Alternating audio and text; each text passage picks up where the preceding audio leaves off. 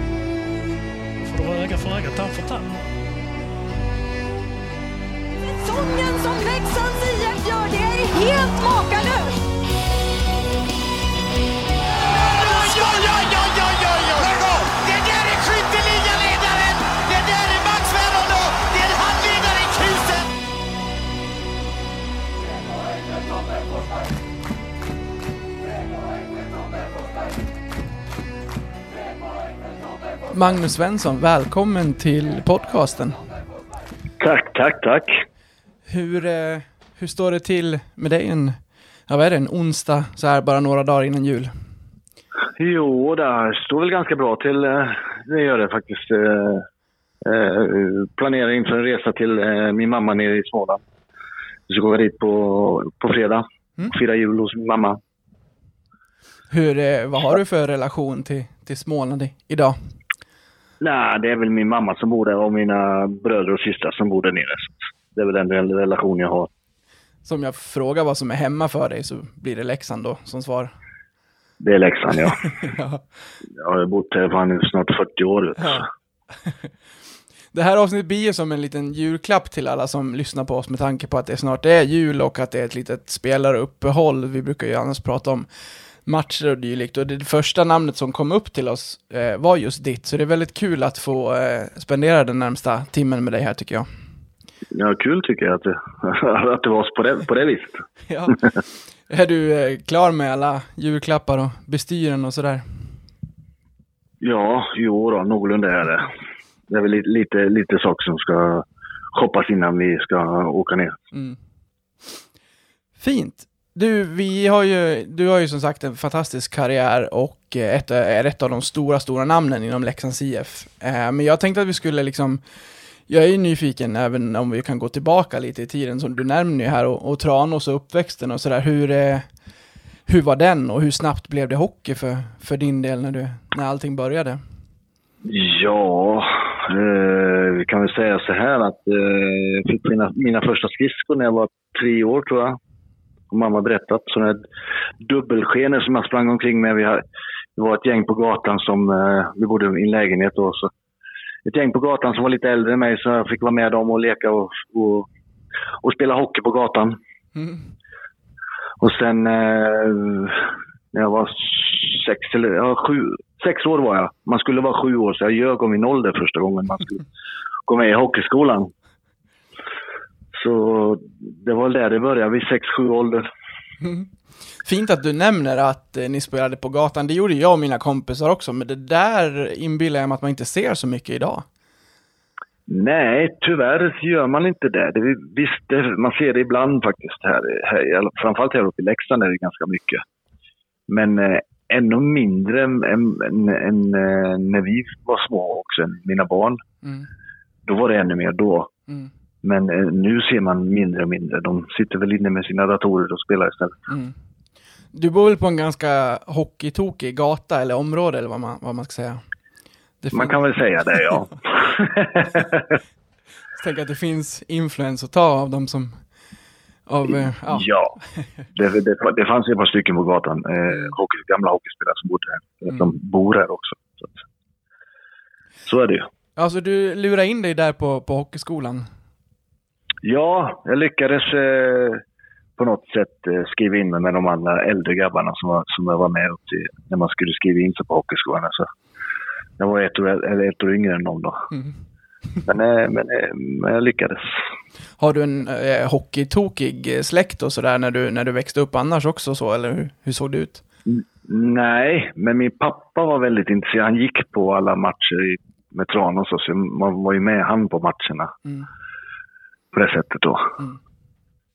Var du tidigt en, en talang när det, när det gick några år där från första hockeyskolan och upp? Var du en, var du en talang eller kom det med, med tiden?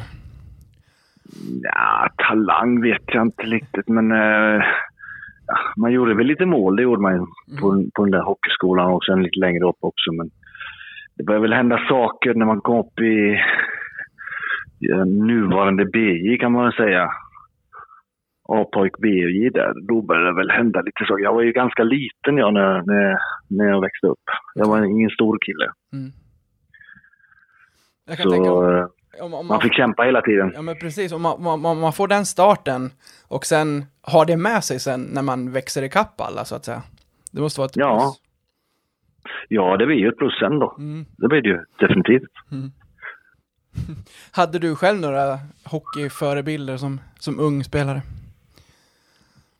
Ja, man, jag var ju ganska tidigt här uppe på hockeyskolan här i Leksand. Mm. Eh, var här redan eh,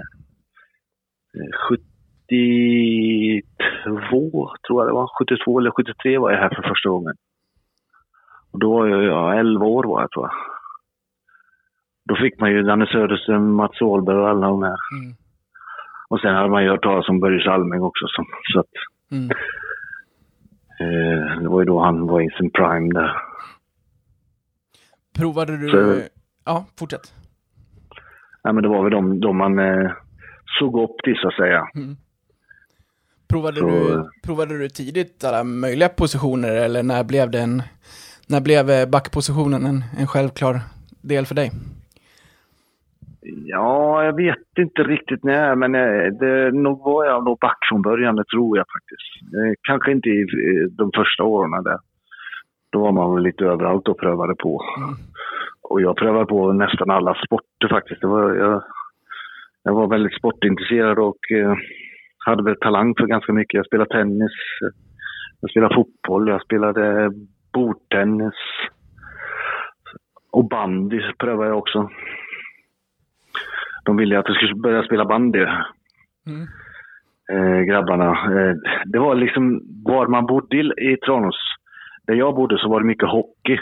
Och eh, en bit ifrån oss så var det mycket bandyspelare. Så att, eh, det var väl tur att jag bodde på hockeygatan så att säga. Ja, Annars hade, nog- annars hade det nog blivit bandy tror jag. ja. Inte, inte, inte lika lätt att eh, ja, men få, få ihop det ekonomiska i med som bandyspelare, gissar jag. Jag har inte någon större koll på Jag vet inte heller, jag vet inte heller hur de tjänar sina pengar. Men, men eh, de, de lyckas ju hålla på i alla fall. Du nämnde ju här att du gjorde, att du gjorde en del mål sen upp mot juniorålder, eh, men det här har ju varit med dig egentligen hela karriären. Fanns det tidigt en offensiv liksom, skicklighet och del i ditt spel, eller kom det att... Ja, det är, väl min- det, är, det, är, det min lekfullhet på isen. Alltså, jag, jag skulle bara ha roligt på isen. Och, och, jag, vill, och, och jag älskar att göra mål också. Hej kära lyssnare. Detta var den fria versionen av detta avsnitt från Blåvita krigares podcast. En eh, liten teaser kan man säga. Om du är sugen på att lyssna vidare och och samtidigt stötta oss i vårt arbete så att vi kan fortsätta göra podden även framöver kan ni göra detta via Patreon. Då går ni in på patreon.com och söker upp Blåvita krigare. Eller så går ni in på patreon.com snedstreck blavita krigare. Alltså patreon.com snedstreck blavita krigare. Där kan ni sedan från 19 kronor i månaden stötta podden och på så sätt hjälpa oss att driva den vidare. När ni valt att stötta oss där får ni också en beskrivning i på hur ni går tillväga för att enkelt koppla Patreon-avsnitten till just er vanliga podcast-app.